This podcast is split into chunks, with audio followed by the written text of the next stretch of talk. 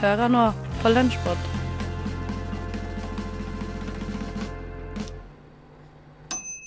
Ja, såpass heldig er du at du har funnet frem til denne podkasten Lunsjpod her fra Radio Nova. I denne podkasten får du høre et lite utvalg av alt det som ble sendt på Radio Nova i forrige uke. Jeg heter Ådne Feiring, og med meg i studio har jeg Stine Spjelkavik Hansen. Denne gangen skal vi ta for oss det som skjedde i uke åtte her på kanalen. Aller først skal vi til radiotjenesten, og vi kan som vanlig stole på at de belyser de største sakene og setter aktualiteter i et nytt lys. Flere kvinnelige spillere på både fotball- og håndballagene i Lillesand IL ønsket å skifte ut de hvite shortsene, som blir gjennomsiktige når de blir våte.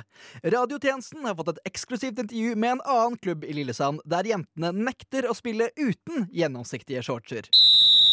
OK, jenter. Når dere senter, er det viktig at hele kroppen er med. Bruk hoftene.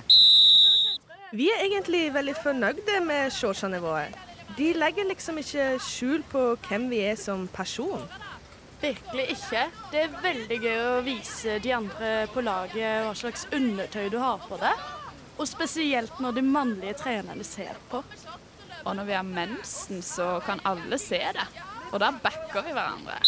Ok, Nå ser det ut som Lilje Mari har fått mensen. Jeg, jeg, kan se det på den hvite, trange, deilige, gjennomsiktige shortsen hennes.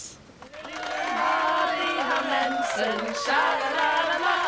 Lille Mari har mensen, sja-la-la-la. Vi er superfornøyde når det regner og vi blir våte. Da blir shortsene ekstra gjennomsiktige. Vi er stolte av å kunne bære de sykt unike fargene til klubben vår, hvitt og blått. Så når vi har mensen, blir det rødt, hvitt og blått. Da føler vi at vi spiller på landslaget for Norge. Det er sykt kult. Norge, Norge, Norge, Norge, Norge, Norge. Denne reportasjen var det Emilie Furseth i radiotjenesten som sto bak. Tekstbehandlingsprogrammet hadde besøk av multikunstneren Kim Hjortøy for å snakke om den nyeste utgivelsen hans Ferdig omslag kommer snart. Og det skal du få høre et utdrag fra her. Ja, du hører på tekstbehandlingsprogrammet, og med oss i studio har vi Kim Hjortøy. Eh, som er både forfatter, illustratør, musiker, filmskaper, fotograf. Ja, du er ganske mye. Eh, hva føler du at du er mest? Um, jeg føler vel kanskje mest at jeg er grafisk designer. Jeg føler i hvert fall ikke at jeg er forfatter, det må jeg bare si. Men, uh, men jeg føler og føler og føler føler jo ofte at jeg ikke er noe helt egentlig ordentlig. Mm, ja. Men hva liker du best, da? Hvis du skulle ha tatt et valg der? ja. Det er litt sånn der at jeg liker egentlig best å holde på med det som jeg ikke holder på med akkurat der og da. Så jeg tenker at jeg helst skulle gjort noe annet. Et, et skritt videre i hodet? Ja, eller ett skritt bak, alt ettersom hvordan du ser på det. Ja, for da blir det litt sånn at man på en måte ikke Eller er det sånn at du føler ikke du klarer å sette deg ned med noe? At du på en måte må ha eh, liksom må hoppe videre, eller at du liker å gjøre flere ting samtidig? Mm, jeg liker jo å gjøre flere som, ting samtidig, men jeg liker også veldig godt å være inne i noe og være veldig konsentrert om en ting. Men jeg syns det er umulig å ikke hele tida tenke at jeg skulle gjort noe Hvis jeg ser noe annet som noen andre gjør, som virker veldig morsomt, så tenker jeg at jeg skulle mye heller gjort det. Og begynt med det for lenge siden. Mm. Eh, tenker du at er det positivt, eller er det hemmende å ha på en måte et ben i, i hver leir, da? Jeg vil si at det er begge deler. Hvor, hvordan vil du si det? Det er positivt å drive med forskjellige ting, fordi du kan dra veksler på erfaringer fra ulike felt som du kan bruke i de ulike feltene. Jeg tror at å ha bred erfaring er veldig ofte positivt og bra. Men det er eh, hemmende å aldri gå så grundig inn i noe som det kanskje tar å um, Du må kanskje jobbe 20 år med bare én ting for å komme langt nok inn i det. Eller jeg tror hvis du jobber i 20 år med bare én ting, så vil, du, vil noe et eller annet skje, da. Og dit tror jeg aldri at jeg kommer med noe som helst. Har du noen eksempler fra noen ganger det har vært hemmende?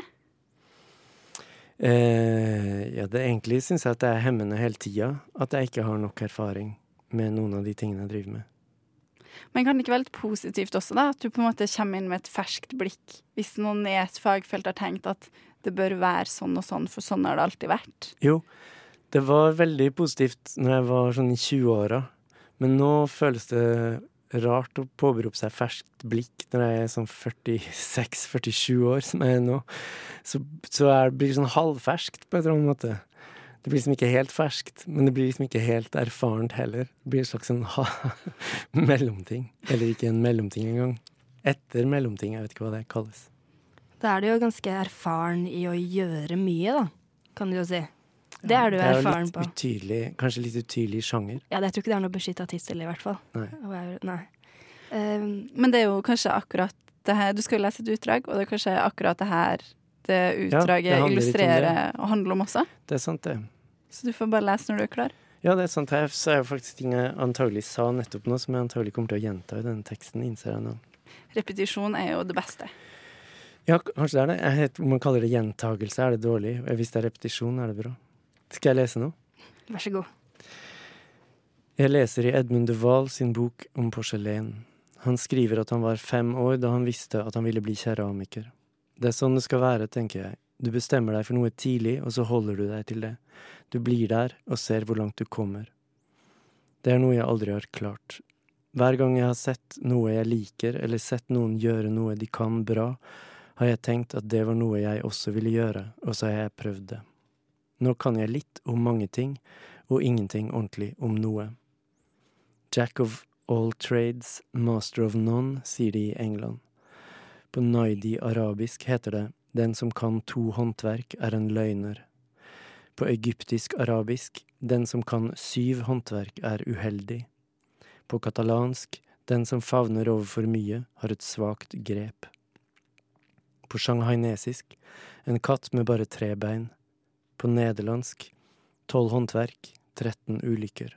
På koreansk en mann med tolv talenter har ingenting å spise til middag. På latin litt av alt, ingenting til sammen. På litauisk det er umulig å drite i hver busk. Og på spansk et hav av kunnskap, en tomme dypt. Mm. Ja, det virker som du tenker kanskje litt eh, mye på det også. Jeg vet ikke. Jeg vet ikke heller. Vi, skal, vi kan spille en ny låt. Dette er eh, Mika Levi med hosting. Vil du si noe om det? Den? Um, jeg har hørt ganske mye på Mika Levi de siste årene. Hun hadde et band, eller kanskje har fortsatt et band, som heter Mikachu and The Shapes. Og så har hun skrevet en god del filmmusikk. Um, og det her er en ny låt som kom for jeg tror bare noen uker siden. Og det var Emily Nærland og Ingrid Serine Aas Hvitsten som snakka med Kim Hjortøy, som altså ikke føler seg som en forfatter. Men du, Ådne, du vet når du går på gata, og du har noe du må kaste, og så alle søppelbøttene full, så du må liksom presse det inn. Ja, det er helt utrolig irriterende. Ja, men den tid er snart forbi. Vitenselskapet har tatt en titt på de nye søppelkassene som testes ut rundt om i Oslo. Fordel spesielt her i Kollansgata, hvor det er færrest med mennesker. Eh, sommerstid så blir de kassene som eh, sto her før, eh, tømt tre til fire ganger om dagen. Det blir veldig mye kjøring, ikke sant? og det også plager publikum. Og så blir det eksos av det. Miljøet, veldig dårlige greier. Men her sånn så er det kanskje å tømme maks én gang om dagen, kanskje annenhver dag. Så vi sparer på det veldig. Du har kanskje ikke lagt merke til det med mindre du er veldig observant. Men nå rundt omkring på Karl Johan så er det kommet nye søppelkasser. Og du tenker søppelkasse, hvorfor er det interessant at det har kommet nye søppelkasser? Jo, fordi at disse søppelkassene de mos både sin egen søppel så det skal bli bedre plass. Eh, De sier fra når det er fullt og de vil bli tømt. Pluss at de lager sin egen strøm. Og på toppen på taket så er det et solcellepanel. Og den lader da opp et batteri inni, som da gir da strøm til de forskjellige komponentene inni. Men når er det den eh, komprimerer? For nå, hvis den her blir full da i løpet av dagen, Ja. Komprimerer den da etter hvert? Eller når Ja, den skal etter hvert. Ja. Og det er en, inne inni her så er det en, leser som alltid følger med på dybden på søpla. Og når da søpla kommer opp en viss høyde i dunken, så går automatisk komprim- komprimeringa ned. Er det sånn at jeg ikke kan bruke den mens det blir komprimert? Ja? Riktig. Da er den stengt. OK. hvor Men det er, jo det er, det er ikke lange stunda. Den går ned og så opp igjen, og så er det Ja. Jeg prata med Pål Gulbrandsen, som er renholdskoordinator i Bymiljøetaten. Han viser meg rundt og forklarer at eh, disse søppelkassene er kun på lån for nå, men det er for å finne ut hvilken type de skal gå for etter hvert, for akkurat nå så har de litt forskjellige typer. De ser kanskje like ut, for det er, fungerer på samme vis. Du trykker ned foten på pedalen, så åpner søpla seg, og så hiver du den. Og så enkelt er det bare. Så ikke nok med at søpla er utstyrt med solcellepanel og egen komprimering, så kan den altså ringe hjem og si ifra at nå vil jeg bli tømt. Men samtidig også, så er også GPS inn eh, der også. Så vi kan da sitte inne på kontoret, se på en egen plattform med bilde av Kolan med de kassene, så kan vi se hvor mye søppel det er i til enhver tid. Grønt lys, da er den under halvfull. Gult, da er det opptil 80-90% Er den rød, da er den eh, på 90 og over. Og da vet jeg at det er ålreit. Da vet jeg, da må jeg ned og tømme. Sett dere og følg med på det her liksom hele dag, eller får dere noe varsel, eller? Ja, Hvis den går over eh, 90% rød, så får jeg varsel. Blant annet. Da kan jeg gå inn og se. Men eh, det er ikke noe problem, for entreprenøren har det samme. Og de er ute sånn likevel. Når de ser det, så reiser de inn og tar den. Og... Så de reiser ikke og tømmer disse når det ikke er behov.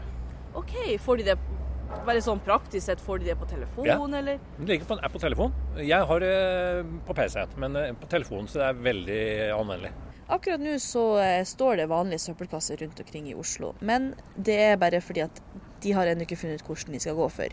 Så over tid så skal ikke folk ha et valg, så de kan ikke gå for det lette valget at du bare hiver det fra seg i ei åpen søppel. Du må faktisk bruke foten og få hive det i ei lukka søppel. Ja, Den type eh, kasse som står inne her, det er som vanlig julegående 240 liters båler, som vanlige privathusholdninger også. Så den åpnes åpnes på baksida og trilles ut og hektes på bil og tømmes på vanlig ordinær måte. Det er i hvert fall det er en ting helt klart, dette er fremtida. Vitenselskapets Ida Katrine Vassbotn var altså reporter i denne saken. Men over til en annen type avfall. Klaus i Frokost skal gjennomgå en obligatorisk legesjekk, og må i den forbindelse levere inn en urinprøve. Men det skal vise seg å by på problemer. Jeg er eh, student. Anniken Hedda. Nei. Det har jeg skjønt. Ja. Jeg er på tredjeåret og skriver en bachelor. Uh, Mm. flinkis. Ja, ja. Eh, det som er planen videre, er å muligens begynne på eh, en skole som ligger rett ved der vi er nå, eh, som er Chateau Neuf, og det er bra Politihøgskolen. Oh, det var ikke den derre MF eh, eh, bibelske universitetsgreie? Nei. Nei. Politihøgskolen. Okay. Eh, godt gjetta, eh, men ikke det. Mm.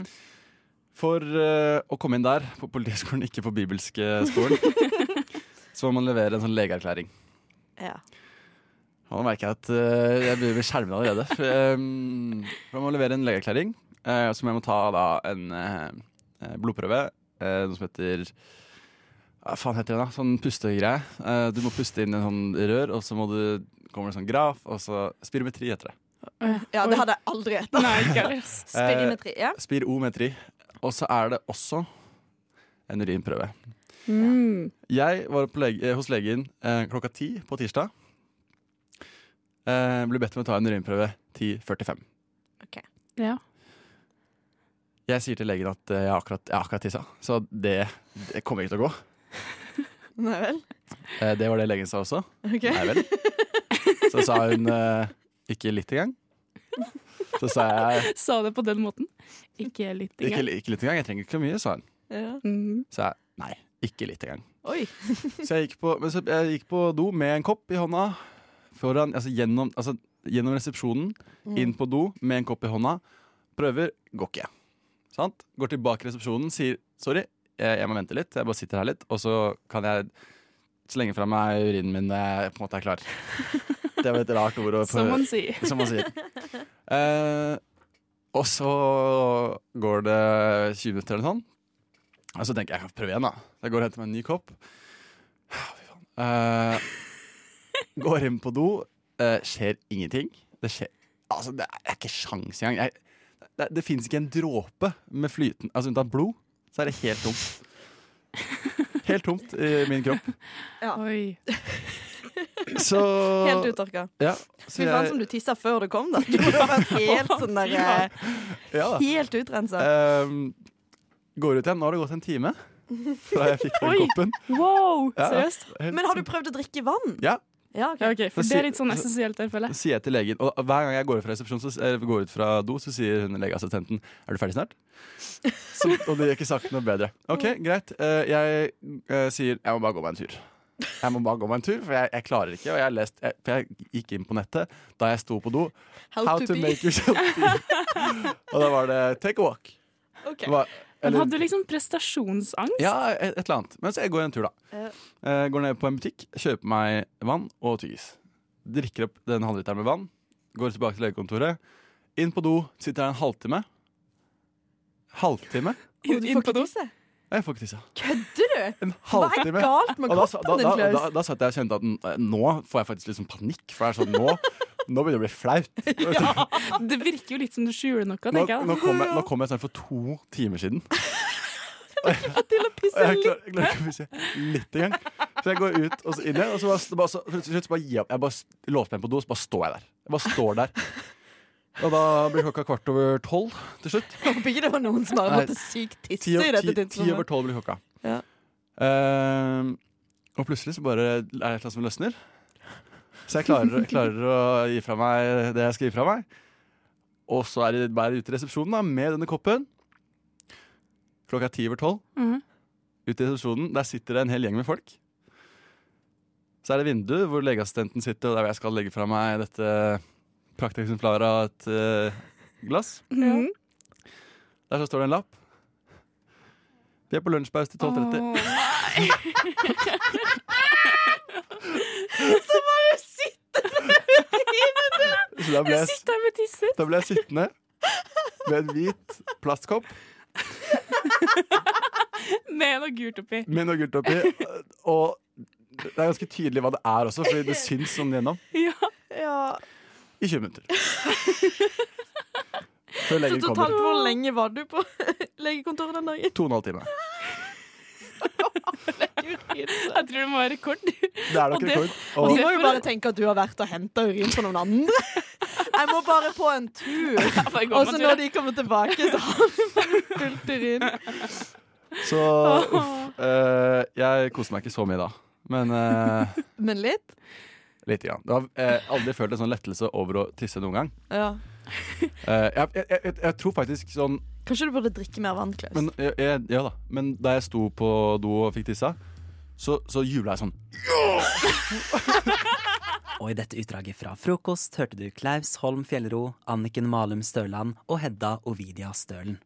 Visste du at det finnes en enkel og åpenbar måte å kurere de verste symptomene av en hektisk eksamensperiode på? Anna og Torunn i Studentnyhetene har møtt Anne-Marit Stakkestad og terapihund Beauty. Har dere eventuelt noe skål eller, noe, eller en kopp eller noe sånt? Ja.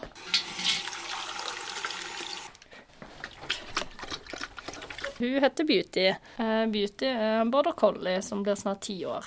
Vi fikk besøk av terapihunden Beauty og terapihundfører Anne-Marit Stakkestad for å høre litt om hvordan Beauty hjelper studenter i en stressende eksamensperiode, og hvordan man får tittelen terapihund. Det er en av de videreutdannelsene som en kan ta når en har tatt både besøkshund og terapihund. Så kan en ta en, så en barnaspesialisering, da, som da er retta mot det her som kalles lesehund. Og Da leser en for hunden, eller gjør lekser sammen med hunden. da.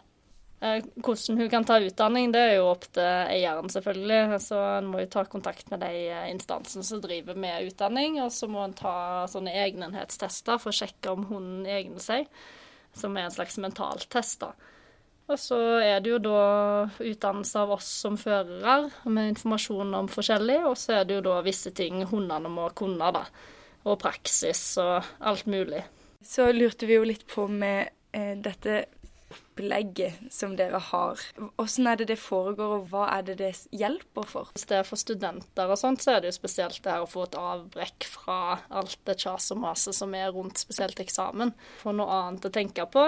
Eh, og så vet en jo at det å klappe og kose på en hund, det er avslappende. Eh, Det er det jo studier på. Eh, og så er det litt gøy det her å være litt barnslig, eh, for en gangs skyld. Fordi hundene syns jo det, du er gøyest hvis du er litt barnslig. Så du har med litt sånn forskjellige leker og sånne ting. Skulle vi prøvd, prøvd litt på det opplegget? Stort sett så har vi sånne gruppegreier med maks fem studenter. Og da starter vi med kos, og så gjør vi litt sånn kroppsagility med litt sånn hopp og tunneler, og litt triks. Så dere kan jo få lov til å gjøre noen triks med beauty hvis dere har lyst til det. Ja, skal vi prøve? Ja, vi må prøve. Vi må prøve det. Jeg kan starte. Ja. Da har du noen godeser godiser der. Gi Beauty Ja. en godbit først, så hun vet okay. at det er det hun skal jobbe med. Så jeg tenker vi kan starte med eh, slalåm mellom beina. Så da vil jeg at du tar en godbit eh, i venstrehånda di. Få den inn på de venstre sida. Ja, altså guide den rundt med ansiktet samme vei som deg. Og Da tar du høyre fot fram, langt fram, sier slalåm, og så fortsetter du å gå. Slalåm. Ja, bra. OK, slalåm. Slalåm. Er bra. Slalåm. Ja, da kan du belønne henne. Kjempebra. OK, vil du teste et annet triks? Ja. Vi har òg sånn tunnel som hun er veldig glad i å gå i. Så hvis du da stiller deg på sida av tunnelen, så peker du, og så sier du 'gjennom', og da kommer du til å springe gjennom. Pek, og så sier du 'gjennom'. Gjennom. Og så må du gi vidt. Så kan du peke igjen, og så 'gjennom'. Gjennom. Ja, det, det er mange som sier at de har en familiehund eller en familiekatt, men de kan ikke ha det med på studenthybelen eller et eller annet, så det er liksom litt gøy å kunne få klappa og kose på en annen hund, da. Mm, akkurat. Hvordan kom du på ideen med å starte med terapien, eller utdanne Beauty, da? Eh, Det var egentlig Beauty som jeg valgte sjøl, fordi eh, når jeg fikk den da hun var fire og en halv måned, så var hun veldig sånn tillitsfull og trygg og god hund, og da tenkte jeg at hm, dette her må jo kunne brukes til noe. Eh, og så husker jeg ikke helt eksakt hvordan jeg kom over det her med besøkshunder, terapihunder og sånt, men eh, jeg fant i hvert fall ut at det var noe som vi kunne teste med Beauty, og det var veldig godt valg, eh, Mhm. for det er noe Beauty stortrives med jobben sin, da. Det var altså Anna Tørresen og Toren Dønheim som fikk roa ned med terapihund Beauty. Det var rett og slett det vi hadde for denne uka. Jeg håper at eh, du har en terapihund i nærheten av deg, som du kan bruke for å roe deg ned til neste ukes lunsjpod. I studio hørte du Ådne Lønneken Fering og Stine Spjelkavik Hansen.